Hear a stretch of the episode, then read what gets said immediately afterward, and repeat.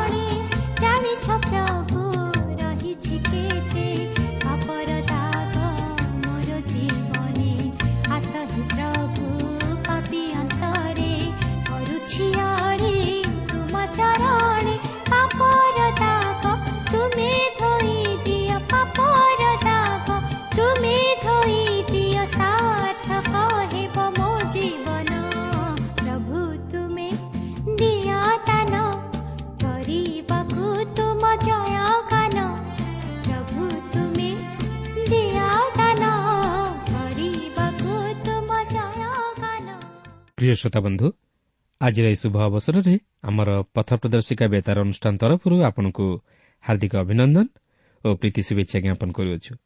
ଆପଣଙ୍କର ସହଯୋଗ ତଥା ମତାମତ ହୃଦୟସ୍ପର୍ଶୀ ସାକ୍ଷୀ ନିମନ୍ତେ ବିଶେଷ ଧନ୍ୟବାଦ। ପ୍ରଭୁ ଯୀଶୁଙ୍କ ବିଷୟରେ ଅଧିକ ଜାଣିବା ନିମନ୍ତେ ଆପଣଙ୍କର ଆଗ୍ରହକୁ ଦେଖି ଆମେ ମଧ୍ୟ ବିଶେଷ ଖୁସି। ପ୍ରଭୁ ଆପଣଙ୍କୁ ଆଶୀର୍ବାଦ କରନ୍ତୁ ଆହୁରି ଆହୁରି ଆତ୍ମିକ ଜୀବନରେ ବର୍ଦ୍ଧିଷ୍ଣୁ କରାନ୍ତୁ। ଆପଣଙ୍କର ପ୍ରାର୍ଥନାର ଅନୁରୋଧ ରକ୍ଷା କରି ଆମେ ଆପଣଙ୍କ ନିମନ୍ତେ ପ୍ରାର୍ଥନା କରୁଅଛୁ ଆଉ ସେହି ପ୍ରଭୁ ଯୀଶୁ ନିଶ୍ଚିତ ଭାବରେ ଆପଣଙ୍କର ମନୋବାଞ୍ଛା ପୂର୍ଣ୍ଣ କରିବେ। ଆସନ୍ତୁ ତାହେଲେ ପ୍ରଭୁଙ୍କର ବାକ୍ୟ ମଧ୍ୟକୁ ଯିବା ପୂର୍ବରୁ ସଂକ୍ଷେପରେ ପ୍ରାର୍ଥନା କରିବା। ପବିତ୍ର ପ୍ରଭୁ ତୁମର ପବିତ୍ର ନାମର ଧନ୍ୟବାଦ କରୁଅଛୁ ଏହି ସୁନ୍ଦର ସମୟ ପାଇଁ ତୁମର ଜୀବନ୍ତ ବାକ୍ୟ ପାଇଁ। ପ୍ରଭୁ ତୁମର ବାକ୍ୟ ମଧ୍ୟ ଦେଇ ତୁମେ ଆମମାନଙ୍କ ସହିତ କଥା କୁହ। ତୁମର ପବିତ୍ର ଉପସ୍ଥିତି ଆମମାନଙ୍କୁ ଉପଲବ୍ଧି କରିବା ପାଇଁ ଦିଅ। ଯେତେ ଶ୍ରୋତାବନ୍ଧୁମାନେ ଆଜି ଏହି କାର୍ଯ୍ୟକ୍ରମ ଶୁଣୁଅଛନ୍ତି ପ୍ରଭୁ ତୁମେ ପ୍ରତ୍ୟେକଙ୍କୁ ଆଶୀର୍ବାଦ କର ଏବଂ ପ୍ରତ୍ୟେକଙ୍କର ମନସ୍କାମନା ତୁମେ ପୂର୍ଣ୍ଣ କର। ପ୍ରତ୍ୟେକଙ୍କୁ ଆତ୍ମିକ ଜୀବନରେ ବର୍ଦ୍ଧିଷ୍ଣୁ କରାଅ। ପ୍ରତ୍ୟେକଙ୍କର ସହିତ ପରମେଶ୍ୱର ତୁମେ ହୁଅ। ଏହି ସମସ୍ତ ପ୍ରାର୍ଥନା ଆମମାନଙ୍କର ଉଦ୍ଧାରକର୍ତ୍ତା ଜୀବିତ ପୁନରୁଦ୍ଧିତ ପ୍ରିୟ ପ୍ରଭୁ ଯୀଶୁଙ୍କ ନାମରେ ଏହି ଅଳ୍ପ ଭିକ୍ଷା ମାଗୁଅଛୁ।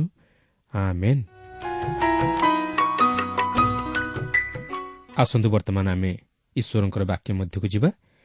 ଆଜି ଆମେ ଦ୍ୱିତୀୟ ବଂଶାବଳୀ ପୁସ୍ତକର ପଞ୍ଚତିରିଶ ଓ ଛତିଶ ପର୍ବ ଦୁଇଟିକୁ ଅଧ୍ୟୟନ କରିବା ନିମନ୍ତେ ଯିବା।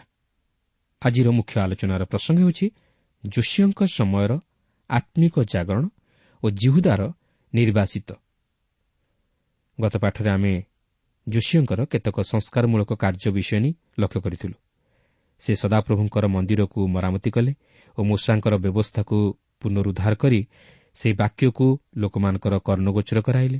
ଏପରିକି ସେ ସମସ୍ତ ପ୍ରକାର ଦେବାଦେବୀ ଓ ପ୍ରତିମାଗୁଡ଼ିକୁ ରାଜ୍ୟରୁ ଦୂର କରି ଜିହୁଦା ଓ ଜିରୁସାଲମକୁ ସୂଚୀ କଲେ। କିନ୍ତୁ ଆଜି ଆମେ ଏହି ପଞ୍ଚତିରିଶ ପର୍ବରେ ଯୋଶୀୟ କିପରି ନିସ୍ତାର ପର୍ବ ପାଳନକୁ ପୂର୍ଣ୍ଣ ପ୍ରତିଷ୍ଠିତ କରାଇଲେ ତାହା ଲକ୍ଷ୍ୟ କରିବାକୁ ଯିବା। ଏହା ତାହାଙ୍କର ବଂଶଧର ନିମନ୍ତେ ଏକ ନୂତନ ଅନୁଭୂତି ଥିଲା। ଆଉ ସବୁଠାରୁ କୌତୁହଳର ବିଷୟ ହେଉଛି ଯେ ମୂଷାଙ୍କ ବ୍ୟବସ୍ଥାରେ ଲିଖିତ ଧାରା ଅନୁଯାୟୀ ଯୋଶୀୟ ସମସ୍ତ ବିଷୟ ଅନୁକରଣ କଲେ। ତେବେ ଦେଖନ୍ତୁ ପଞ୍ଚତିରିଶ ପର୍ବର ପ୍ରଥମ ପଦରୁ ଆରମ୍ଭ କରି ପନ୍ଦର ପଦ ମଧ୍ୟରେ ସେହି ନିସ୍ତାର ପର୍ବର ପ୍ରସ୍ତୁତି ବିଷୟ ନେଇ ପ୍ରକାଶ କରାଯାଇଅଛି। କିନ୍ତୁ ସେହି ସମସ୍ତ ବିଷୟକୁ ମୁଁ ବର୍ତ୍ତମାନ ଅଧ୍ୟୟନ କରିବା ପାଇଁ ଯାଉନାହିଁ ମାତ୍ର ସେହି ନିସ୍ତାର ପର୍ବର ପାଳନ ନେଇ ମୁଁ ଏହି ପଞ୍ଚତିରିଶ ପର୍ବର ଷୋହଳରୁ ଉଣେଇଶ ପଦ ମଧ୍ୟରେ ଆପଣଙ୍କର ଦୃଷ୍ଟି ଆକର୍ଷଣ କରିବା ପାଇଁ ଚାହେଁ। ଦେଖନ୍ତୁ ଏଠାରେ ଏହିପରି ଲେଖା ଅଛି ଏହି ରୂପେ ଯୋଶୀୟ ରାଜାଙ୍କର ଆଜ୍ଞାନୁସାରେ ନିସ୍ତାର ପର୍ବ ପାଳନାର୍ଥେ ଓ ସଦାପ୍ରଭୁଙ୍କ ଯଜ୍ଞବେଦୀରେ ହୋମବଳୀ ଉତ୍ସର୍ଗ କରଣାର୍ଥେ ସେହିଦିନ ସଦାପ୍ରଭୁଙ୍କ ସେବାର୍ଥକ ସକଳର ଆୟୋଜନ ହେଲା। ଏଣୁ ଉପସ୍ଥିତ ଇସ୍ରାଏଲ୍ ସନ୍ତାନମାନେ ସେହି ସମୟରେ ସାତଦିନ ନିସ୍ତାର ପର୍ବ ଓ ତାଳିଶୂନ୍ୟ ରୋଟିର ପର୍ବ ପାଳନ କଲେ। ପୁଣି ସାମୁଏଲ୍ ଭବିଷ୍ୟତ ବକ୍ତାଙ୍କର ଦିନଠାରୁ ଇସ୍ରାଏଲ୍ ମଧ୍ୟରେ ଏ ପ୍ରକାର ନିସ୍ତାର ପର୍ବ ପ୍ରତିପାଳିତ ହୋଇନଥିଲା। କିଅବା ଯୋଶୀୟ ଓ ଯାଜକମାନେ ଓ ଲେବିୟମାନେ ପୁଣି ଉପସ୍ଥିତ ସମଗ୍ର ଜିହୁଦା ଓ ଇସ୍ରାଏଲ୍ ଓ ଜିରୁସାଲମ ନିବାସୀମାନେ ଯେପରି ନିସ୍ତାର ପର୍ବ ପାଳନ କଲେ ସେପରି ଇସ୍ରାଏଲ୍ର କୌଣସି ରାଜା କରିନାହାନ୍ତି। ଯୋଶୀଙ୍କର ରାଜତ୍ୱର ଅଠର ବର୍ଷରେ ଏହି ନିସ୍ତାର ପର୍ବ ପ୍ରତିପାଳିତ ହେଲା। ତେବେ ଏହି ନିସ୍ତାର ପର୍ବ ପାଳନ କରିବାର ମୁଖ୍ୟ ତାତ୍ପର୍ଯ୍ୟ ହେଉଛି ଯେଉଁଦିନ ଇସ୍ରାଏଲ୍ ଜାତି ମିଶ୍ର ଦେଶର ଦାସତ୍ୱ ବନ୍ଧନ ନିସ୍ତାର ପାଇଲେ ସେହି ଦିନକୁ ସ୍ମରଣ କରି ସେମାନଙ୍କୁ ପ୍ରତିବର୍ଷ ନିସ୍ତାର ପର୍ବ ପାଳନ କରିବାକୁ ଥିଲା। ମାତ୍ର ଅନେକ ସମୟରେ ଏହି ପର୍ବ ପାଳନ କରିବାରେ ସେମାନେ ଅବହେଳା କରୁଥିଲେ। ମାତ୍ର ଏଠାରେ ଆମେ ଦେଖୁଛୁ ଯେ ଯୋଶୀୟ ଯେଉଁପରି ଭାବେ ନିସ୍ତାର ପର୍ବ ପାଳନ କଲେ ସାମିଲ ଭବିଷ୍ୟତ ବକ୍ତାଙ୍କର ଦିନାବଧି ଇସ୍ରାଏଲ୍ ମଧ୍ୟରେ ଏ ପ୍ରକାର ନିସ୍ତାର ପର୍ବ ପ୍ରତିପାଳିତ ହୋଇନଥିଲା। ତେବେ ଏହି ନିସ୍ତାର ପର୍ବ ପ୍ରଭୁ ଯୀଶୁଖ୍ରୀଷ୍ଟଙ୍କ ମୃତ୍ୟୁର ନିଦର୍ଶନ ସ୍ୱରୂପ ଥିଲା।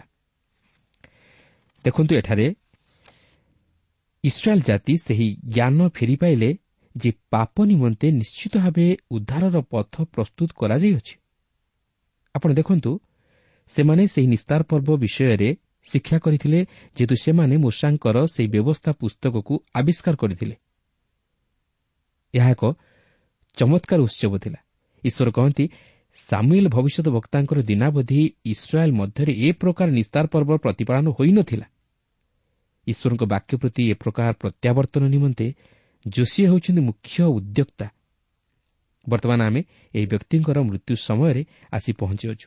ଏପରିକି ଈଶ୍ୱରଙ୍କର ଲୋକମାନେ ମଧ୍ୟ ସାଧାରଣ ଲୋକଙ୍କ ପରି ଏହିପରି ଭୁଲ କରିପାରନ୍ତି ଯାହାକି ଆମେ ଯୋଶୀଙ୍କ ଜୀବନରେ ଲକ୍ଷ୍ୟ କରିବାକୁ ପାରିବା।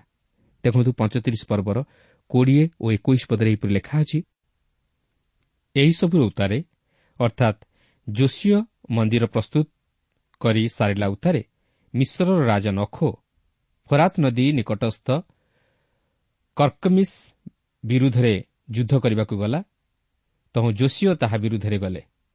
ମାତ୍ର ସେ ତାଙ୍କ ନିକଟକୁ ଦୂତ ପଠାଇ କହିଲା ହେ ଜୁହୁଦାର ରାଜନ ତୁମ ସାଙ୍ଗେ ମୋର ବିଷୟ କ'ଣ ମୁଁ ଆଜି ତୁମ ବିରୁଦ୍ଧରେ ଆସିନାହିଁ ମାତ୍ର ଯେଉଁ ବଂଶ ସଙ୍ଗେ ମୋର ଯୁଦ୍ଧ ଅଛି ତାହା ବିରୁଦ୍ଧରେ ଆସିଅଛି। ଆଉ ପରମେଶ୍ୱର ଶୀଘ୍ର କରିବା ପାଇଁ ମୋତେ ଆଜ୍ଞା କରିଅଛନ୍ତି। ମୋର ସହବର୍ତ୍ତୀ ପରମେଶ୍ୱର ଯେପରି ତୁମ୍ଭକୁ ବିନାଶ ନ କରନ୍ତି ଏଥିପାଇଁ ତୁମ୍ଭେ ତାହାଙ୍କଠାରୁ ନିରସ୍ତ ହୁଅ। ଯୋଶୀୟ ନିଜର ଗୃହରେ ରହିବାର ଉଚିତ ଥିଲା। ମାତ୍ର ସେ ଏହି ଯୁଦ୍ଧରେ ନିଜକୁ ସାମିଲ କରିବା ଉଚିତ ନଥିଲା କିନ୍ତୁ ସେ ଏହି ଯୁଦ୍ଧରେ ମିଶିବା ଦ୍ୱାରା ଭୁଲ କଲେ। ବାଇଶ ପଦରେ ଲେଖା ଅଛି ତଥାପି ଯୋଶୀୟ ତାହାଠାରୁ ବିମୁଖ ହେବାକୁ ସମ୍ମତ ନୋହିଲେ ମାତ୍ର ତାହା ସଙ୍ଗେ ଯୁଦ୍ଧ କରିବା ପାଇଁ ଛଦ୍ମବେଶ ଧାରଣ କଲେ ଆଉ ପରମେଶ୍ୱରଙ୍କ ମୁଖ ନିର୍ଗତ ନଖର ବାକ୍ୟରେ ମନୋଯୋଗ ନ କରି ମଗିଦ ଉପତ୍ୟକାରେ ଯୁଦ୍ଧ କରିବା ପାଇଁ ଉପସ୍ଥିତ ହେଲେ। ସେ ଯୁଦ୍ଧରୁ ଦୂରେଇ ଯିବାକୁ ଚାହିଁଲେ ନାହିଁ ମାତ୍ର ଯୁଦ୍ଧ କରିବାକୁ ଚାହିଁଲେ। ଆଉ ଲକ୍ଷ୍ୟ କରନ୍ତୁ ତାହାଙ୍କ ପ୍ରତି କ'ଣ ଘଟିବା ପାଇଁ ଯାଉଅଛି। ତେଇଶରୁ ଛବିଶ ପଦ ମଧ୍ୟରେ ଲେଖା ଅଛି ଏଥି ଉତ୍ତାରେ ଧନୁର୍ଦ୍ଧରମାନେ ଯୋଶୀୟ ରାଜାଙ୍କୁ ତୀର ମାରିଲେ ତହିଁରେ ରାଜା ଆପଣା ଦାସମାନଙ୍କୁ କହିଲେ ମୋତେ ନେଇଯାଅ ମୁଁ ଅତ୍ୟନ୍ତ ଆହତ ହୋଇଅଛି। ତହୁଁ ତାଙ୍କର ଦାସମାନେ ସେହି ରଥରୁ ତାଙ୍କୁ ନେଇ ତାଙ୍କର ଦ୍ୱିତୀୟ ରଥରେ ଚଢ଼ାଇ ଜିରୁସାଲମକୁ ଆଣିଲେ। ଆଉ ସେ ମଲେ ଓ ଆପଣା ପିତୃଲୋକଙ୍କର କବରରେ କବର ପାଇଲେ। ଏଥିରେ ଯୋଶୀଙ୍କ ଲାଗି ସମଗ୍ର ଜିହୁଦା ଓ ଜିରୁସାଲମ ଶୋକ କଲେ। ପୁଣି ଜିରିମିୟ ଯୋଶୀଙ୍କ ଲାଗି ବିଳାପ କଲେ। ଆଉ ଗାୟକ ଓ ଗାୟିକା ସମସ୍ତେ ଆପଣା ଆପଣା ବିଳାପରେ ଯୋଶୀଙ୍କ ବିଷୟ ଆଜି ପର୍ଯ୍ୟନ୍ତ ଉଲ୍ଲେଖ କରନ୍ତି। ଲୋକମାନେ ଇସ୍ରାଏଲ୍ ମଧ୍ୟରେ ଏହା ଏକ ପାଳନୀୟ ବିଧି କଲେ। ଆଉ ଦେଖ ତାହା ବିଳାପ ସଂହିତାରେ ଲିଖିତ ଅଛି। ଏହି ଯୋଶୀଙ୍କର ଅବଶିଷ୍ଟ ବୃତ୍ତାନ୍ତ ଓ ସଦାପ୍ରଭୁଙ୍କ ବ୍ୟବସ୍ଥାର ଲିଖନ ଅନୁଯାୟୀ ତାଙ୍କର ସୁକର୍ମ ଓ ତାଙ୍କର ଆଦ୍ୟନ୍ତ କ୍ରିୟାସକଳ ଦେଖ ଇସ୍ରାଏଲ୍ ଓ ଜିହୁଦା ରାଜଗଣର ଇତିହାସ ପୁସ୍ତକରେ ଲିଖିତ ଅଛି। ଯୋଶୀୟ ଜଣେ ଉତ୍ତମ ତଥା ମହାନ ରାଜା ହୋଇଥିଲେ। ସେ ଚମତ୍କାର ଆତ୍ମିକ ଜାଗରଣ ଆଣିଦେଇଥିଲେ ଈଶ୍ୱରଙ୍କ ନିକଟବର୍ତ୍ତୀ ହେବାରେ। କିନ୍ତୁ ତାହାଙ୍କର ମୃତ୍ୟୁ ସେହି ଆତ୍ମିକ ଜାଗରଣରେ ପ୍ରତିବନ୍ଧକ ଘଟାଇଲା। ବର୍ତ୍ତମାନ ଈଶ୍ୱରଙ୍କର ବିଚାର ସେହି ଦକ୍ଷିଣ ରାଜ୍ୟ ଜିହୁଦା ଉପରେ ବର୍ତ୍ତିବାକୁ ଯାଉଅଛି। ବର୍ତ୍ତମାନ ଆମେ ଛତିଶ ପର୍ବ ମଧ୍ୟକୁ ଯିବା। ଏହି ଛତିଶ ପର୍ବର ମୁଖ୍ୟ ପ୍ରସଙ୍ଗ ହେଉଛି ଜିହୁଦାର ନିର୍ବାସିତ। ଜିହୁଦା ଶତ୍ରୁ ହସ୍ତରେ ସମର୍ପିତ ହୋଇ ନିର୍ବାସିତ ହେଲା। ଯୋଶୀ ଓ ଜିହୁଦାର ଶେଷ ଉତ୍ତମ ରାଜା ଥିଲେ। ମାତ୍ର ତାହାଙ୍କ ପରେ ଯେଉଁ ରାଜାମାନେ ରାଜ୍ୟ କଲେ ସେମାନେ ସମସ୍ତେ ଦୁଷ୍ଟ ରାଜା ଥିଲେ। ସେମାନଙ୍କର ଦୁଷ୍ଟତାର ରାଜତ୍ୱ ଜିହୁଦା ରାଜ୍ୟ ପ୍ରତି ଈଶ୍ୱରଙ୍କର ବିଚାର ବର୍ତ୍ତାଇଲା। ଏହି ପର୍ବରେ ଈଶ୍ୱରଙ୍କ ପ୍ରତି ସେମାନଙ୍କର ମନୋଭାବ କିପରି ଥିଲା ସେହି ବିଷୟ ନେଇ ସଂକ୍ଷେପରେ ପ୍ରକାଶ କରାଯାଇଅଛି ଓ ସେମାନଙ୍କ ସମୟର କେତେକ ଗୁରୁତ୍ୱପୂର୍ଣ୍ଣ ଘଟଣା ଯାହାକି ସେହି ରାଜ୍ୟ ପ୍ରତି ଧ୍ୱଂସ ପହଞ୍ଚାଇଲା ସେହି ବିଷୟ ନେଇ ସଂକ୍ଷେପରେ ପ୍ରକାଶ କରାଯାଇଅଛି ପ୍ରଥମେ ଆମେ ଯୋଶୀଙ୍କ ପୁତ୍ର ଜିହୋ ୟାହାସ୍କ ରାଜତ୍ୱ ସମ୍ପର୍କରେ କିଛି ଆଲୋଚନା କରିବାକୁ ଯିବା। ଦେଖନ୍ତୁ ଛତିଶ ପର୍ବର ପ୍ରଥମ ତିନି ପଦରେ ଏହିପରି ଲେଖା ଅଛି ଅନନ୍ତର ଦେଶର ଲୋକମାନେ ଯୋଶୀଙ୍କର ପୁତ୍ର ଜିହୋ ୟାହାସ୍କୁ ନେଇ ତାଙ୍କର ପିତାଙ୍କ ପଦରେ ତାଙ୍କୁ ଜିରୁସାଲାମରେ ରାଜା କଲେ। ଜିହୋ ୟାହସ୍ ରାଜ୍ୟ କରିବାକୁ ଆରମ୍ଭ କରିବା ସମୟରେ ତେଇଶ ବର୍ଷ ବୟସ୍କ ହୋଇଥିଲେ ଓ ସେ ଜିରୁସାଲାମରେ ତିନି ମାସ ରାଜ୍ୟ କଲେ। ଏଥିଉତାରେ ମିଶ୍ରର ରାଜା ଜିରୁସାଲାମରେ ତାଙ୍କୁ ପଦଚ୍ୟୁତ କରି ଦେଶ ଉପରେ ଏକଶହ ତାଳନ୍ତ ରୂପା ଓ ଏକ ତାଳନ୍ତ ସୁନା ଅର୍ଥଦଣ୍ଡ ନିର୍ଦ୍ଧାରଣ କଲା। ଏହି ଜିହୋ ୟାହାସ୍ ମିଶ୍ରର ରାଜାଙ୍କ ଦ୍ୱାରା ଗାଦିଚ୍ୟୁତ ହେଲେ। ସେ କେବଳ ମାତ୍ର ତିନି ମାସ ନିମନ୍ତେ ରାଜ୍ୟ କଲେ। ବର୍ତ୍ତମାନ ଖୁବ୍ ଶୀଘ୍ର ଗୋଟିଏ ପରେ ଗୋଟିଏ ଘଟଣା ଘଟିବା ପାଇଁ ଯାଉଅଛି। ଏହାପରେ ଜିହୋୟାକିମ୍ ରାଜ୍ୟ କରିବାକୁ ଆରମ୍ଭ କଲେ। ଛତିଶ ପର୍ବର ଚାରିପଦରୁ ସାତ ପଦ ମଧ୍ୟରେ ଏହିପରି ଲେଖା ଅଛି ଆହୁରି ମିଶ୍ରର ରାଜା ତାଙ୍କର ଭ୍ରାତା ଇଲିଆକିମ୍କୁ ଜିହୁଦା ଓ ଜିରୁସଲମ ଉପରେ ରାଜା କଲା ଓ ତାଙ୍କର ନାମ ବଦଳାଇ ଜିହୋ ୟାକିମ୍ ରଖିଲା ପୁଣି ନଖୋ ତାଙ୍କର ଭ୍ରାତା ଜିହୋ ୟାହାସ୍କୁ ଧରି ମିଶୋରକୁ ନେଇଗଲା ଜିହୋ ୟାକିମ୍ ରାଜ୍ୟ କରିବାକୁ ଆରମ୍ଭ କରିବା ସମୟରେ ପଚିଶ ବର୍ଷ ବୟସ୍କ ହୋଇଥିଲେ ଓ ସେ ଜିରୁସାଲମରେ ଏଗାର ବର୍ଷ ରାଜ୍ୟ କଲେ ପୁଣି ସେ ସଦାପ୍ରଭୁ ଆପଣା ପରମେଶ୍ୱରଙ୍କ ଦୃଷ୍ଟିରେ କୁକର୍ମ କଲେ। ତାଙ୍କ ବିରୁଦ୍ଧରେ ବାବିଲର ରାଜା ନବଖଦ ନିଶ୍ଚର ଆସି ବାବିଲକୁ ନେଇଯିବା ନିମନ୍ତେ ତାଙ୍କୁ ଶିକୁଳିରେ ବାନ୍ଧିଲା। ନବଖଦ ନିଶ୍ଚରର ମଧ୍ୟ ସଦାପ୍ରଭୁଙ୍କ ଗୃହର କେତେକ ପାତ୍ର ବାବିଲକୁ ନେଇଯାଇ ବାବିଲସ୍ଥିତ ଆପଣା ମନ୍ଦିରରେ ରଖିଲା। ଏହାଙ୍କର ରାଜତ୍ୱ ସମୟରେ ବାବିଲୋନ୍ର ରାଜା ନବୁଖଦ ନିଶ୍ଚର ଜିହୁଦା ରାଜ୍ୟ ବିରୁଦ୍ଧରେ ଉଠିଲେ। ଓ ସେ ତାହାଙ୍କୁ ବାନ୍ଧି ସଦାପ୍ରଭୁଙ୍କ ଗୃହର କେତେକ ପାତ୍ର ବାବିଲକୁ ନେଇଯାଇ ବାବିଲସ୍ଥିତ ଆପଣା ମନ୍ଦିରରେ ରଖିଲା। ଏହାପରେ ତାହାଙ୍କର ପୁତ୍ର ଜିହୋ ୟାଖିନ୍ ତାହାଙ୍କର ପଦରେ ରାଜ୍ୟ କଲେ।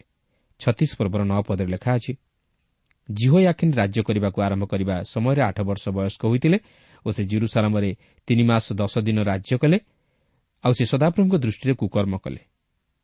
ଏହି ଜିହୋ ୟାଖିନ୍ ମଧ୍ୟ ଦୀର୍ଘ ଦିନ ଧରି ରାଜତ୍ୱ କରିବାରେ ସୁଯୋଗ ପାଇଲେ ନାହିଁ।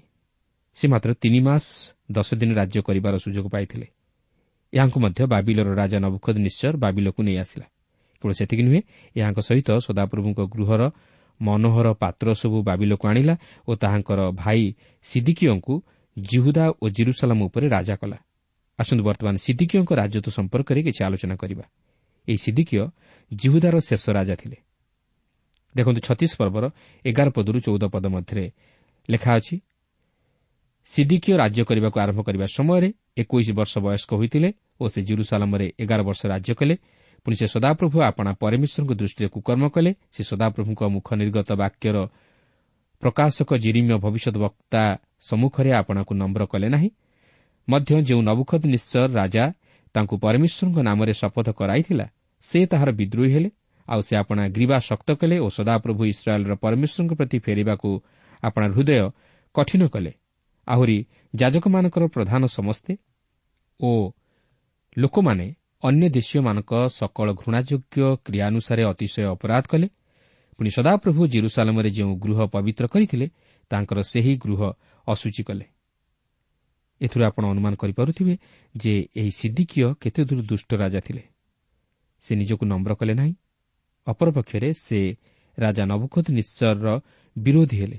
ତେଣୁକରି ବାବିଲର ରାଜା ନବୁକଦ ନିଶ୍ଚର ଅଧିକ ପ୍ରତିଶୋଧ ପରାୟଣ ହୋଇଉଠିଲେ। ସେ ଜିରୁସାଲାମ ବିରୁଦ୍ଧରେ ଯାଇ ତହିଁର ପ୍ରାଚୀର ଭଗ୍ନ କଲେ ଓ ଜିରୁସାଲାମରେ ଅଗ୍ନି ସଂଯୋଗ କରି ତାହା ଧ୍ୱଂସ କରିଦେଲେ ଓ ଜିହୁଦାକୁ ବାବିଲୋନ୍କୁ ବନ୍ଦୀ କରି ନେଇଗଲେ। ଦେଖନ୍ତୁ ଛତିଶ ପର୍ବର ପନ୍ଦରରୁ କୋଡ଼ିଏ ପଦ ମଧ୍ୟରେ ଲେଖା ଅଛି ତଥାପି ସଦାପ୍ରଭୁ ସେମାନଙ୍କ ପୂର୍ବପୁରୁଷଗଣର ପରମେଶ୍ୱର ଆପଣା ଦୂତଗଣ ଦ୍ୱାରା ସେମାନଙ୍କ ନିକଟକୁ କହି ପଠାଇଲେ ସେ ଆପଣା ଲୋକମାନଙ୍କ ପ୍ରତି ଓ ଆପଣା ନିବାସ ସ୍ଥାନ ପ୍ରତି ଦୟା ବହିବାରୁ ପ୍ରତ୍ୟୁଷରେ ଉଠି ପଠାଇଲେ। ମାତ୍ର ସେମାନେ ପରମେଶ୍ୱରଙ୍କ ଦୂତଗଣକୁ ପରିହାସ କଲେ ତାହାଙ୍କର ବାକ୍ୟ ତୁଚ୍ଛ କଲେ ଓ ତାହାଙ୍କ ଭବିଷ୍ୟତ ବକ୍ତାଗଣକୁ ବିଦ୍ରୁପ କଲେ। ଏଣୁ ଆପଣା ଲୋକମାନଙ୍କ ଉପରେ ସଦାପ୍ରଭୁଙ୍କ କୋପ ଉତ୍ଥିତ ହେଲା। ଶେଷରେ ଆଉ ପ୍ରତିକାର ନୋହିଲା। ଏନିମନ୍ତେ ସେ କଲ୍ଦିୟମାନଙ୍କ ରାଜାଙ୍କୁ ସେମାନଙ୍କ ପ୍ରତିକୂଳରେ ଆଣନ୍ତେ ସେ ସେମାନଙ୍କ ଯୁବାମାନଙ୍କୁ ସେମାନଙ୍କ ଧର୍ମଧାମରେ ଖଡ଼ଗ ଦ୍ୱାରା ବଧ କଲା। ପୁଣି ଯୁବା କି ଯୁବତୀ ବୃଦ୍ଧ କି ଜରାଜୀର୍ଣ୍ଣ କାହାରିକି ଦୟା କଲା ନାହିଁ। ପରମେଶ୍ୱର ତାହା ହସ୍ତରେ ସମସ୍ତଙ୍କୁ ସମର୍ପି ଦେଲେ।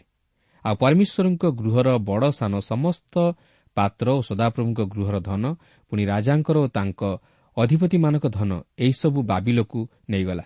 ପୁଣି ସେମାନେ ପରମେଶ୍ୱରଙ୍କ ଗୃହ ଦଗ୍ଧ କଲେ ଓ ଜିରୁସାମର ପ୍ରାଚୀର ଭଗ୍ନ କଲେ ଓ ତହିଁର ଅଟାଳିକା ସବୁ ଅଗ୍ନିରେ ଦଗ୍ଧ କରି ସେଠାରେ ଥିବା ମନୋହର ପାତ୍ର ସବୁ ବିନାଶ କଲେ। ପୁଣି ସେ ଖଡ଼ଗରୁ ବଞ୍ଚିବା ଲୋକମାନଙ୍କୁ ବାବିଲକୁ ନେଇଗଲା। ତହିଁରେ ପାରସିକ ରାଜ୍ୟ ସ୍ଥାପନ ପର୍ଯ୍ୟନ୍ତ ସେମାନେ ତାହାର ଓ ତାହାର ସନ୍ତାନଗଣର ଦାସ ହୋଇ ରହିଲେ। ଏହା ହିଁ ଥିଲା ଜିହୁଦା ପ୍ରତି ଈଶ୍ୱରଙ୍କର ବିଚାର। ମନୁଷ୍ୟ ଈଶ୍ୱରଙ୍କ ବିରୁଦ୍ଧରେ ଯାଇ କେବେ ହେଲେ ବର୍ତ୍ତି ପାରିବ ନାହିଁ। ଈଶ୍ୱରଙ୍କ ବିଚାରରୁ କେହି ଖସି ପଳାଇ ଯାଇପାରିବ ନାହିଁ। ଈଶ୍ୱରଙ୍କ କ୍ରୋଧ ମନୁଷ୍ୟର ବିନାଶ। ଜିହୁଦା ଶତ୍ରୁ ହସ୍ତରେ ପତିତ ହୋଇ ବାବିଲକୁ ନିର୍ବାସିତ ହେଲା। ଜିରୁସାଲମ ଭସ୍ମୀଭୂତ ହେଲା। ଜିହୁଦା ସମସ୍ୟା ଓ ଦୁଃଖ ମଧ୍ୟ ଦେଇ ଗତିଗଲା ଈଶ୍ୱର ସେମାନଙ୍କୁ ଯଥେଷ୍ଟ ସୁଯୋଗ ଦେଇଥିଲେ ତାହାଙ୍କ ନିକଟକୁ ଫେରିଆସିବା ପାଇଁ। ମାତ୍ର ସେମାନେ ଫେରିଲେ ନାହିଁ ବରଂ ଅହଙ୍କାର ଓ ଦାମ୍ଭିକ ହୋଇ ଆପଣା ଆପଣା ଗ୍ରୀବା ଶକ୍ତ କଲେ। ଫଳତଃ ଈଶ୍ୱର ସେମାନଙ୍କର ବିଚାର କରିବା ପାଇଁ ବାଧ୍ୟ ହେଲେ। ସେମାନେ ଶତ୍ରୁ ନିକଟରେ ହାସ୍ୟାସ୍ପଦ ହେଲେ। ଶତ୍ରୁ ହସ୍ତରେ ପତିତ ହୋଇ ଦାସତ୍ୱ ବନ୍ଧନର ଯନ୍ତ୍ରଣା ଭୋଗ କଲେ। ବର୍ତ୍ତମାନ ଏହାର ପରବର୍ତ୍ତୀ ଅଂଶ ଈଶ୍ୱରଙ୍କ ବିଚାର ବର୍ତ୍ତିବାର ଆଉ ଏକ କାରଣ ମଧ୍ୟ ଦର୍ଶାଏ ଆଉ ଏହା ଅତି କୌତୁହଳଜନକ। ଦେଖନ୍ତୁ ଛତିଶ ପର୍ବର ଏକୋଇଶ ପଦରେ ଲେଖା ଅଛି ଦେଶ ଆପଣାର ନାନା ବିଶ୍ରାମ ଭୋଗ କରିବା ପର୍ଯ୍ୟନ୍ତ ଜିରିମିୟର ମୁଖ ଦ୍ୱାରା ଉକ୍ତ ସଦାପ୍ରଭୁଙ୍କ ବାକ୍ୟ ସଫଳ ହେବା ନିମନ୍ତେ ଏହା ଘଟିଲା କାରଣ ସତୁରୀ ବର୍ଷ ପୂର୍ଣ୍ଣ କରଣାର୍ଥେ ଦେଶ ଉଚ୍ଛିନ୍ନ ଅବସ୍ଥାରେ ଥିବା ପର୍ଯ୍ୟନ୍ତ ବିଶ୍ରାମ ପାଳନ କଲା। ଏହା ଏକ ଗୁରୁତ୍ୱପୂର୍ଣ୍ଣ ବିଷୟ। ବାବିଲୋନ୍କୁ ସତୁରୀ ବର୍ଷ ପର୍ଯ୍ୟନ୍ତ ନିର୍ବାସିତ ହେବାର ଏହା ଅନ୍ୟ ଏକ କାରଣ। ଈଶ୍ୱର ଏଠାରେ ଦୁଇ ପ୍ରକାର ଉଦ୍ଦେଶ୍ୟକୁ ସାଧନ କରନ୍ତି। କାରଣ ଈଶ୍ୱର ଯାହା କିଛି କରନ୍ତି ତାହା କେବଳ ତାହାଙ୍କର ମହତ୍ ଅଭିମତ ସାଧନ ନିମନ୍ତେ କରିଥାନ୍ତି। ପ୍ରଥମତଃ ସେମାନେ ଭାବଦୀମାନଙ୍କୁ ତୁଚ୍ଛ କଲେ। ସେମାନେ ଏକ ଉଦ୍ଧାରୀ ସମୟ ମଧ୍ୟରେ ବସବାସ କରୁଥିଲେ। ଈଶ୍ୱର ଚାହିଁଥିଲେ ସେମାନଙ୍କୁ ଏହି ଘଟଣାର ଏକଶହ ବର୍ଷ ପୂର୍ବରୁ ମଧ୍ୟ ନିର୍ବାସିତ କରାଇ ଦେଇ ପାରିଥାନ୍ତେ। ମାତ୍ର ସେ ସେମାନଙ୍କ ପ୍ରତି ଦୟା ବହି ସେମାନଙ୍କୁ ଅନେକ ସୁଯୋଗ ଦେଇଥିଲେ। ମାତ୍ର ସେମାନେ ଫେରିଲେ ନାହିଁ। ଅପରପକ୍ଷରେ ସେମାନେ ଅଧିକରୁ ଅଧିକ ଈଶ୍ୱରଙ୍କର ବିରୁଦ୍ଧଚାରୀ ହେଲେ। ଶେଷରେ ଏପରି ଏକ ସମୟ ଆସିଲା ସେମାନଙ୍କର ଉଦ୍ଧାର ପାଇବାର ରାସ୍ତା ମଧ୍ୟ ନଥିଲା। ସେମାନେ ଈଶ୍ୱରଙ୍କ ବିଚାରର ବଶବର୍ତ୍ତୀ ହେଲେ। ବର୍ତ୍ତମାନର ଜଗତ ମଧ୍ୟ ସେହି ସମୟ ମଧ୍ୟରେ ଆସି ପହଞ୍ଚିଗଲାଣି। ସୁଯୋଗର ଦ୍ୱାର ଧୀରେ ଧୀରେ ବନ୍ଦ ହେବାକୁ ବସିଲାଣି। ପାପର ମାତ୍ରା ଅଧିକରୁ ଅଧିକ ବଢ଼ିଲାଣି। ଅପରାଧର ମାତ୍ରା ସୀମା ଲଙ୍ଘନ କଲାଣି। କିନ୍ତୁ ବର୍ତ୍ତମାନ ହେଉଛି ସତର୍କ ହେବାର ସମୟ। ଯଦି ଆମେ ଏଥିପ୍ରତି ସତର୍କ ନ ହେଉ ତାହେଲେ ଆମେ ସେହି ଧ୍ୱଂସ ମୁଖରେ ପତିତ ହେବା। ଶତ୍ରୁର ହାସ୍ୟାସ୍ପଦ ହେବା। ନିଜର ଜୀବନ ପ୍ରତି ବିନାଶ ଆଣିବା। ଭାବନ୍ତୁ ନାହିଁ ସେହି ଅନୁଗ୍ରହର ଦ୍ୱାର ସଦାସର୍ବଦା ଖୋଲା ହୋଇ ରହିଥିବ। ଏହା ଦିନେ ନା ଦିନେ ବନ୍ଦ ହୋଇଯିବ। ସେତେବେଳେ ଉଦ୍ଧାର ପାଇବାର ରାସ୍ତା ମଧ୍ୟ ଆଉ ନଥିବ। କାରଣ ଈଶ୍ୱର ଦୀର୍ଘ ସହିଷ୍ଣୁ ମାତ୍ର ଚିର ସହିଷ୍ଣୁ ନୁହନ୍ତି। ସେ ଅଧାର୍ମିକତାର ବିଷୟ ସବୁକୁ ଲୋପ କରି ଧାର୍ମିକତାର ବିଷୟ ସବୁକୁ ପ୍ରତିଷ୍ଠିତ କରାଇବେ। ସେ ସତ୍ୟରେ ଓ ଧର୍ମରେ ରାଜତ୍ୱ କରିବେ। ତେଣୁ ଏହି ଦୁର୍ଦ୍ଦିନରେ ଆମମାନଙ୍କୁ ବିଶେଷ ଭାବେ ସତର୍କତାର ସହିତ ଜୀବନଯାପନ କରିବାକୁ ହେବ। ଈଶ୍ୱରଙ୍କ ବାକ୍ୟ ପ୍ରତି ମନୋଯୋଗୀ ହେବାକୁ ହେବ ଓ ତାହାଙ୍କ ବାକ୍ୟ ଅନୁଯାୟୀ ଜୀବନଯାପନ କରିବାକୁ ହେବ। ତାହେଲେ ଆମେ ମୃତ୍ୟୁର ପଥରେ ଗତି ନ କରି ଜୀବନର ପଥରେ ଗତି କରିବା। ଦ୍ୱିତୀୟ କାରଣଟି ହେଉଛି ଦୀର୍ଘ ଚାରିଶହ ନବେ ବର୍ଷ ଧରି ଇସ୍ରାଏଲ୍ ବିଶ୍ରାମ ବର୍ଷ ପାଳନ କରିନଥିଲେ ଏହା ଥିଲା ଭୂମିର ବିଶ୍ରାମ ବର୍ଷ। ପ୍ରତି ସାତ ବର୍ଷରେ ଥରେ ଭୂମି ବିଶ୍ରାମ ନେବାକୁ ଥିଲା। କିନ୍ତୁ ସେମାନେ ଏହି ବ୍ୟବସ୍ଥାକୁ ଲଙ୍ଘନ କରି ଭୂମିର ବିଶ୍ରାମ ବର୍ଷ ପାଳନ କରିନଥିଲେ। ତେଣୁ ଚାରିଶହ ନବେ ବର୍ଷର ସମୟସୀମା ମଧ୍ୟରେ ଯେଉଁ ସତୁରିଟି ବର୍ଷ ଭୂମି ବିଶ୍ରାମ ପାଇବାରୁ ବଞ୍ଚିତ ହୋଇଥିଲା ସେହି ସତୁରି ବର୍ଷ ଇସ୍ରାଏଲ୍ ଜାତି ବାବିଲୋନ୍କୁ ନିର୍ବାସିତ ହେବାରେ ଭୂମି ବିଶ୍ରାମ ପାଇଲା।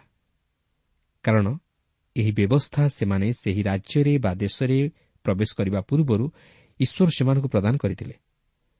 ମାତ୍ର ସେମାନେ ତାହା ପାଳନ କରିବା ନିମନ୍ତେ ଅସମତ ହେଲେ।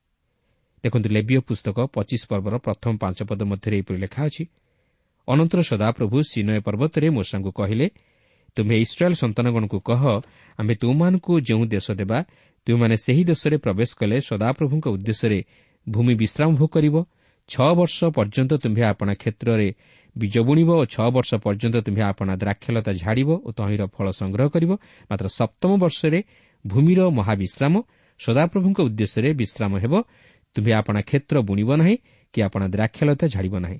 ଯେଉଁ ଶସ୍ୟ ତୁମ୍ଭ କ୍ଷେତ୍ରରେ ଆପେ ବଢ଼େ ତାହା ତୁମ୍ଭେ କାଟିବ ନାହିଁ ଓ ତୁମ୍ଭେ ଆପଣା ଅଝଡ଼ା ଦ୍ରାକ୍ଷାଲତାର ଫଳ ସଂଗ୍ରହ କରିବ ନାହିଁ ତାହା ଭୂମିର ମହାବିଶ୍ରାମ ବର୍ଷ ହେବ। କିନ୍ତୁ ସେମାନଙ୍କର ଲୋଭ ହେତୁ ସେମାନେ ଭୂମିକୁ ତାହାର ବିଶ୍ରାମ ନେବା ନିମନ୍ତେ ସୁଯୋଗ ଦେଲେ ନାହିଁ। ଭୂମି ବିଶ୍ରାମ ନେବାରୁ ବଞ୍ଚିତ ହେଲା। ଅନ୍ୟ ଅର୍ଥରେ କହିବାକୁ ଗଲେ ଭୂମିକୁ ପ୍ରତି ସାତ ବର୍ଷରେ ଥରେ ବିଶ୍ରାମ ଦେବା ନିମନ୍ତେ ସେମାନେ ଅନୁମତି ଦେଲେ ନାହିଁ। ଯାହାକି ଈଶ୍ୱର ଆଦେଶ ଦେଇଥିଲେ। ସେମାନେ ଭାବିଲେ ଯେ ସେମାନେ ଏପରି କରିବା ଦ୍ୱାରା ସେମାନଙ୍କର କିଛି କ୍ଷତି ହେବ ନାହିଁ। ସେମାନେ ଏହିପରି ଭାବେ ଚାରିଶହ ନବେ ବର୍ଷ ପର୍ଯ୍ୟନ୍ତ ଭୂମିର ବିଶ୍ରାମ ବର୍ଷ ପାଳନ କଲେ ନାହିଁ। ତେଣୁକରି ଈଶ୍ୱର କହନ୍ତି ମୁଁ ତୁମମାନଙ୍କୁ ସତୁରି ବର୍ଷ ପର୍ଯ୍ୟନ୍ତ ଏହି ଦେଶରୁ ନିର୍ବାସିତ କରାଇବି ତହିଁରେ ଭୂମି ବିଶ୍ରାମ ବର୍ଷ ପାଳନ କରିବ। ତେଣୁ ଏହି କାରଣରୁ ସେମାନେ ସତୁରି ବର୍ଷ ପର୍ଯ୍ୟନ୍ତ ନିର୍ବାସିତ ହେଲେ ଓ ଭୂମି ସେହି ସତୁରି ବର୍ଷ ବିଶ୍ରାମ ଭୋଗ କଲା। ଏହା ଅତି ଗୁରୁତ୍ୱପୂର୍ଣ୍ଣ ବିଷୟ ଆଉ ଚମତ୍କାର ବିଷୟ ପ୍ରିୟ ବନ୍ଧୁ ଈଶ୍ୱର ଭଣ୍ଡା ନ ଯାଆନ୍ତି ସେଥିପାଇଁ ଗାଲାତୀୟ ଛଅ ପର୍ବର ସାତ ପଦରେ ଲେଖା ଅଛି ଭ୍ରାନ୍ତ ନ ହୁଅ ଈଶ୍ୱର ବିଦ୍ରୁପର ପାତ୍ର ନୁହନ୍ତି କାରଣ ମନୁଷ୍ୟ ଯାହା ବୁଣେ ତାହା ହିଁ କାଟିବ ତେଣୁ ଆମେ ଜାଣି ରଖିବା ଉଚିତ ଯେ ଈଶ୍ୱରଙ୍କ ବାକ୍ୟ କେବେ ହେଲେ ବିଫଳ ହୁଏ ନାହିଁ ଏହା ଦିନେ ନା ଦିନେ ସଫଳ ହେବ। ତାଛଡ଼ା ଈଶ୍ୱର ଯଦିଓ ଦୟାବାନ ଓ କ୍ଷମାଶୀଳ ମାତ୍ର ସେ ମଧ୍ୟ ପାପ ତଥା ଅପରାଧର ପ୍ରତିଫଳଦାତା ଈଶ୍ୱର। ଏହି ପୁସ୍ତକରେ ଆମେ ଦେଖିଛୁ ଯେ ଯଦିଓ ଇସ୍ରାଏଲ୍ ଜାତିର ପତନ ଘଟିଅଛି ମାତ୍ର ଏଥିସହିତ ମଧ୍ୟ ପାଞ୍ଚଥର ଆତ୍ମିକ ଜାଗରଣ ଘଟିଅଛି ଓ ପରିବର୍ତ୍ତନ ମଧ୍ୟ ଘଟିଅଛି। ପ୍ରାୟ ପାଞ୍ଚ ଜଣ ରାଜାଙ୍କ ସମୟରେ ଇସ୍ରାଏଲ୍ ଜାତି ମଧ୍ୟରେ ଏକ ଆତ୍ମିକ ଜାଗରଣ ଓ ଆତ୍ମିକ ପରିବର୍ତ୍ତନ ଦେଖାଦେଇଥିଲା। ଆଶା ରାଜାଙ୍କ ସମୟରେ ଲୋକମାନେ ଈଶ୍ୱରଙ୍କ ପ୍ରତି ଫେରିଲେ ଓ ଈଶ୍ୱରଙ୍କ ବାକ୍ୟର ବଶୀଭୂତ ହେଲେ। ଝିଅ ସାପଙ୍କ ସମୟରେ ଈଶ୍ୱରଙ୍କ ପ୍ରତି ଫେରିଲେ ଓ ଈଶ୍ୱରଙ୍କ ବାକ୍ୟର ବାଧ୍ୟ ହେଲେ। ଜୟାସଙ୍କ ସମୟରେ ମଧ୍ୟ ଠିକ୍ ଏହିପରି ଘଟିଲା। ହିଜକିୟଙ୍କ ସମୟରେ ମଧ୍ୟ ଠିକ୍ ଏହିପରି ଘଟିଲା। ଜୟାସଙ୍କ ସମୟରେ ମଧ୍ୟ ଠିକ୍ ତାହା ହିଁ ଘଟିଲା। ଏହିପରି ପ୍ରତ୍ୟେକଟି ଘଟଣାରେ ଈଶ୍ୱରଙ୍କ ବାକ୍ୟ ପ୍ରତି ଫେରିବା ସେମାନଙ୍କ ଜୀବନରେ ଏକ ମହାନ ଅନୁତାପ ତଥା ପରିବର୍ତ୍ତନର ଜୀବନ ଆଣିଦେଇଥିଲା ଯଦ୍ୱାରା ରାଜ୍ୟରେ ଆତ୍ମିକ ଜାଗରଣ ଦେଖାଦେଇଥିଲା କିନ୍ତୁ ଏହି ସମସ୍ତ ସଫଳତା ଓ ବିଫଳତା ଉତ୍ଥାନ ଓ ପତନ ମଧ୍ୟ ଦେଇ ଶେଷରେ ଏହି ଦ୍ୱିତୀୟ ବଂଶାବଳୀ ପୁସ୍ତକଟି ଆଗାମୀ ଗୌରବମୟ ଭବିଷ୍ୟତରେ ହିଁ ସମାପ୍ତ ହୁଏ ଯାହାକି ଛତିଶ ପର୍ବର ବାଇଶ ଓ ତେଇଶ ପଦରେ ଲେଖା ଅଛି। ଜିରିମିୟଙ୍କ ମୁଖ ଦ୍ୱାରା ଉକ୍ତ ସଦାପ୍ରଭୁଙ୍କ ବାକ୍ୟ ସଫଳାର୍ଥେ ପାରସ୍ୟର ରାଜା କୋରସର ଅଧିକାରର ପ୍ରଥମ ବର୍ଷରେ ସଦାପ୍ରଭୁ ପାରସ୍ୟର ରାଜା କୋରସର ମନରେ ପ୍ରବୃତ୍ତି ଜନ୍ମାନ୍ତେ ସେ ଆପଣା ରାଜ୍ୟର ସର୍ବତ୍ର ଘୋଷଣା କରାଇ ମଧ୍ୟ ଲେଖାଇ ଏହି କଥା ପ୍ରଚାର କରାଇଲା ଯଥା ପାରସ୍ୟର ରାଜା କୋରସ ଏହା କହନ୍ତି ସଦାପ୍ରଭୁ ସ୍ୱର୍ଗର ପରମେଶ୍ୱର ପୃଥିବୀର ସମସ୍ତ ରାଜ୍ୟ ଆମକୁ ପ୍ରଦାନ କରିଅଛନ୍ତି ଆଉ ସେ ଜିହୁଦା ଦେଶସ୍ଥ ଜିରୁସାଲମରେ ତାହାଙ୍କ ପାଇଁ ଏକ ଗୃହ ନିର୍ମାଣ କରିବାକୁ ଆମ୍ଭକୁ ଆଜ୍ଞା କରିଅଛନ୍ତି। ତାହାଙ୍କର ସମଗ୍ର ଲୋକଙ୍କ ମଧ୍ୟରେ ତୁମାନଙ୍କର ଯେ କେହି ହେଉ ସଦାପ୍ରଭୁ ତାହାର ପରମେଶ୍ୱର ତାହାର ସହବର୍ତ୍ତୀ ହୁଅନ୍ତୁ ଓ ସେ ଯାତ୍ରା କରୁ। ଏହା ହିଁ ଥିଲା ଇସ୍ରାଏଲ୍ ଜାତିର ଆଗାମୀ ଉଜ୍ଜଳମୟ ଭବିଷ୍ୟତର ଏକ ସ୍କରଣୀୟ ଘଟଣା। ଏ ବିଷୟ ମଧ୍ୟ ଏଜେରା ପୁସ୍ତକର ଉପକ୍ରମଣିକା ମଧ୍ୟରେ ପୁନରାବୃତ୍ତି କରାଯାଇଅଛି ଯାହାକି ଏହି ସମୟଠାରୁ ଇସ୍ରାଏଲ୍ର ଐତିହାସିକ ଘଟଣା କ୍ରମଶଃ ଗତି କରିଅଛି। ଏଠାରେ ଏକ ଚମତ୍କାର ବିଷୟ ଲକ୍ଷ୍ୟ କରିବାକୁ ପାରିବେ ଯେ ଯଦିଓ ଈଶ୍ୱର ତାହାଙ୍କର ଲୋକମାନଙ୍କୁ ନିର୍ବାଚିତ କରାଇଲେ ମାତ୍ର ସେ ସେମାନଙ୍କୁ ଭୁଲି ଯାଇନଥିଲେ। ସେ ସେମାନଙ୍କୁ ସ୍ମରଣ କରି ସେମାନଙ୍କୁ ପୁନର୍ବାର ନିଜ ଦେଶକୁ କଢ଼ାଇ ଆଣିଲେ ଦୀର୍ଘ ସତୁରି ବର୍ଷ ଧରି ନିର୍ବାଚିତ ହେବା ପରେ ସେ ସେମାନଙ୍କୁ ସେହି ବନ୍ଧନରୁ ମୁକୁଳାଇ ଆଣିଲେ। ବାସ୍ତବରେ ଈଶ୍ୱର ଅତି ଦୟାଳୁ। ସେ କେବେ ହେଲେ ନିଜର ଆଶ୍ରିତମାନଙ୍କୁ ବିନଷ୍ଟ ହେବାକୁ ଦେବେ ନାହିଁ। ସେ ସେମାନଙ୍କୁ ନିଶ୍ଚିତ ଭାବେ ଉଦ୍ଧାର କରିବେ। ସେଥିପାଇଁ ଲେଖା ଅଛି ଧାର୍ମିକ ସାତଥର ପଡ଼ିଲେ ହେଁ ସେ ଉଠିବ। ପ୍ରିୟ ବନ୍ଧୁ ଆଜି ଯଦି ଆପଣ ଈଶ୍ୱରଙ୍କଠାରୁ ଦୂରବର୍ତ୍ତୀ ଜୀବନଯାପନ କରି ଦୁଃଖ ଓ ସମସ୍ୟା ମଧ୍ୟ ଦେଇ ଗତି କରୁଅଛନ୍ତି ତାହେଲେ ଭାଙ୍ଗି ପଡ଼ନ୍ତୁ ନାହିଁ। କାରଣ ଈଶ୍ୱର ଆପଣଙ୍କ ପ୍ରତି ତାହାଙ୍କର ଦୟା ଦୃଷ୍ଟି ରଖିଅଛନ୍ତି। ସେ ଆପଣଙ୍କୁ କେବେ ହେଲେ ଭୂମିଶାୟୀ ହେବାକୁ ଦେବେ ନାହିଁ। ମାତ୍ର ଆପଣ ତାହାଙ୍କ ନିକଟକୁ ଫେରିଯାଆନ୍ତୁ ଓ ନିଜର ଅଯୋଗ୍ୟତା ତଥା ଅପରାଧ ନିମନ୍ତେ ତାହାଙ୍କଠାରେ କ୍ଷମା ମାଗନ୍ତୁ ଓ ତାହାଙ୍କଠାରେ ବିଶ୍ୱାସରେ ସ୍ଥିର ରୁହନ୍ତୁ। ତାହେଲେ ସେ ଆପଣଙ୍କୁ ପୁନର୍ବାର ସେହି ଆଶୀର୍ବାଦ ଓ ଅନୁଗ୍ରହର ସ୍ଥାନକୁ କଢ଼ାଇ ଆଣିବେ ଓ ଆପଣଙ୍କୁ ଶାନ୍ତି ଆନନ୍ଦ ପ୍ରଦାନ କରିବେ ଓ ତାହାଙ୍କ ସନ୍ତାନତ୍ୱର ଅଧିକାରୀ କରାଇବେ। ତେଣୁ ପ୍ରିୟ ବନ୍ଧୁ ଆଇ ଯଦି ଆପଣ ଆପଣଙ୍କର ପାପ ନିମନ୍ତେ ଈଶ୍ୱରଙ୍କ ଦ୍ୱାରା ବିଚାରିତ ହେଉଅଛନ୍ତି ଆପଣ ଭାଗି ପଡ଼ନ୍ତୁ ନାହିଁ ନିରାଶ ହୁଅନ୍ତୁ ନାହିଁ ମାତ୍ର ସେହି ପ୍ରଭୁଙ୍କୁ ନିଜର ଉଦ୍ଧାରକର୍ତ୍ତା ରୂପେ ଗ୍ରହଣ କରନ୍ତୁ। ସେହି ପ୍ରଭୁ ଯୀଶୁଙ୍କଠାରେ ନିଜର ଜୀବନକୁ ସମର୍ପଣ କରନ୍ତୁ ନିଜର ପାପ ନିମନ୍ତେ କ୍ଷମା ମାଗନ୍ତୁ ତାହେଲେ ସେ ଆପଣଙ୍କୁ ଉଦ୍ଧାର କରି ଆପଣଙ୍କ ଜୀବନରେ ସମସ୍ତ ସୁଖ ଶାନ୍ତି ଓ ଆନନ୍ଦ ଭରିଦେବେ ଏବଂ ସେ ଆପଣଙ୍କ ଜୀବନରେ ସହାୟ ହୋଇ ସମସ୍ତ ବିଷୟରେ ଆପଣଙ୍କୁ ଆଶୀର୍ବାଦ କରି ମଙ୍ଗଳ ପ୍ରଦାନ କରିବେ। ପ୍ରଭୁ ପ୍ରତ୍ୟେକଙ୍କୁ ଏହି ସଂକ୍ଷିପ୍ତ ଆଲୋଚନା ମଧ୍ୟ ଦେଇ ଆଶୀର୍ବାଦ କରନ୍ତୁ।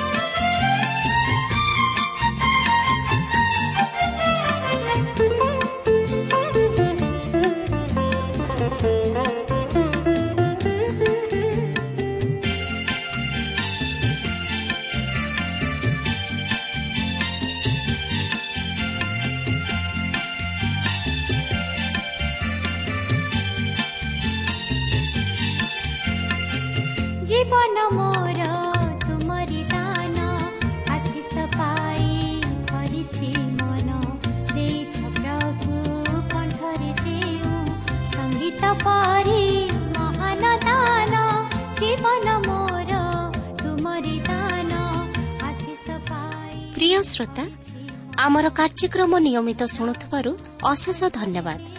ଆପଣ ଏହି କାର୍ଯ୍ୟକ୍ରମ ଶୁଣିବା ଦ୍ୱାରା ଆତ୍ମିକ ଜୀବନରେ ଉପକୃତ ହୋଇପାରିଥିବେ ବୋଲି ଆମର ବିଶ୍ୱାସ।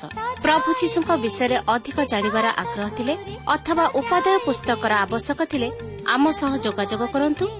ଆମର ଠିକଣା ପଥ ପ୍ରଦର୍ଶିକା Trans World Radio India post box number ତିନି ତିନି ଭୁବନେଶ୍ୱର ସାତ ପାଞ୍ଚ ଏକ ଶୂନ ଶୂନ ଏକ। ମୋବାଇଲ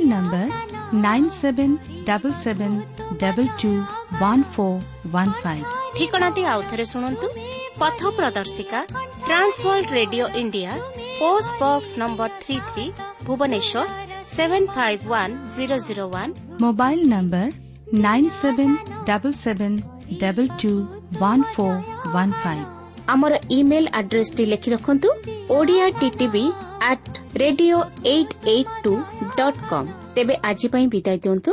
ନମସ୍କାର।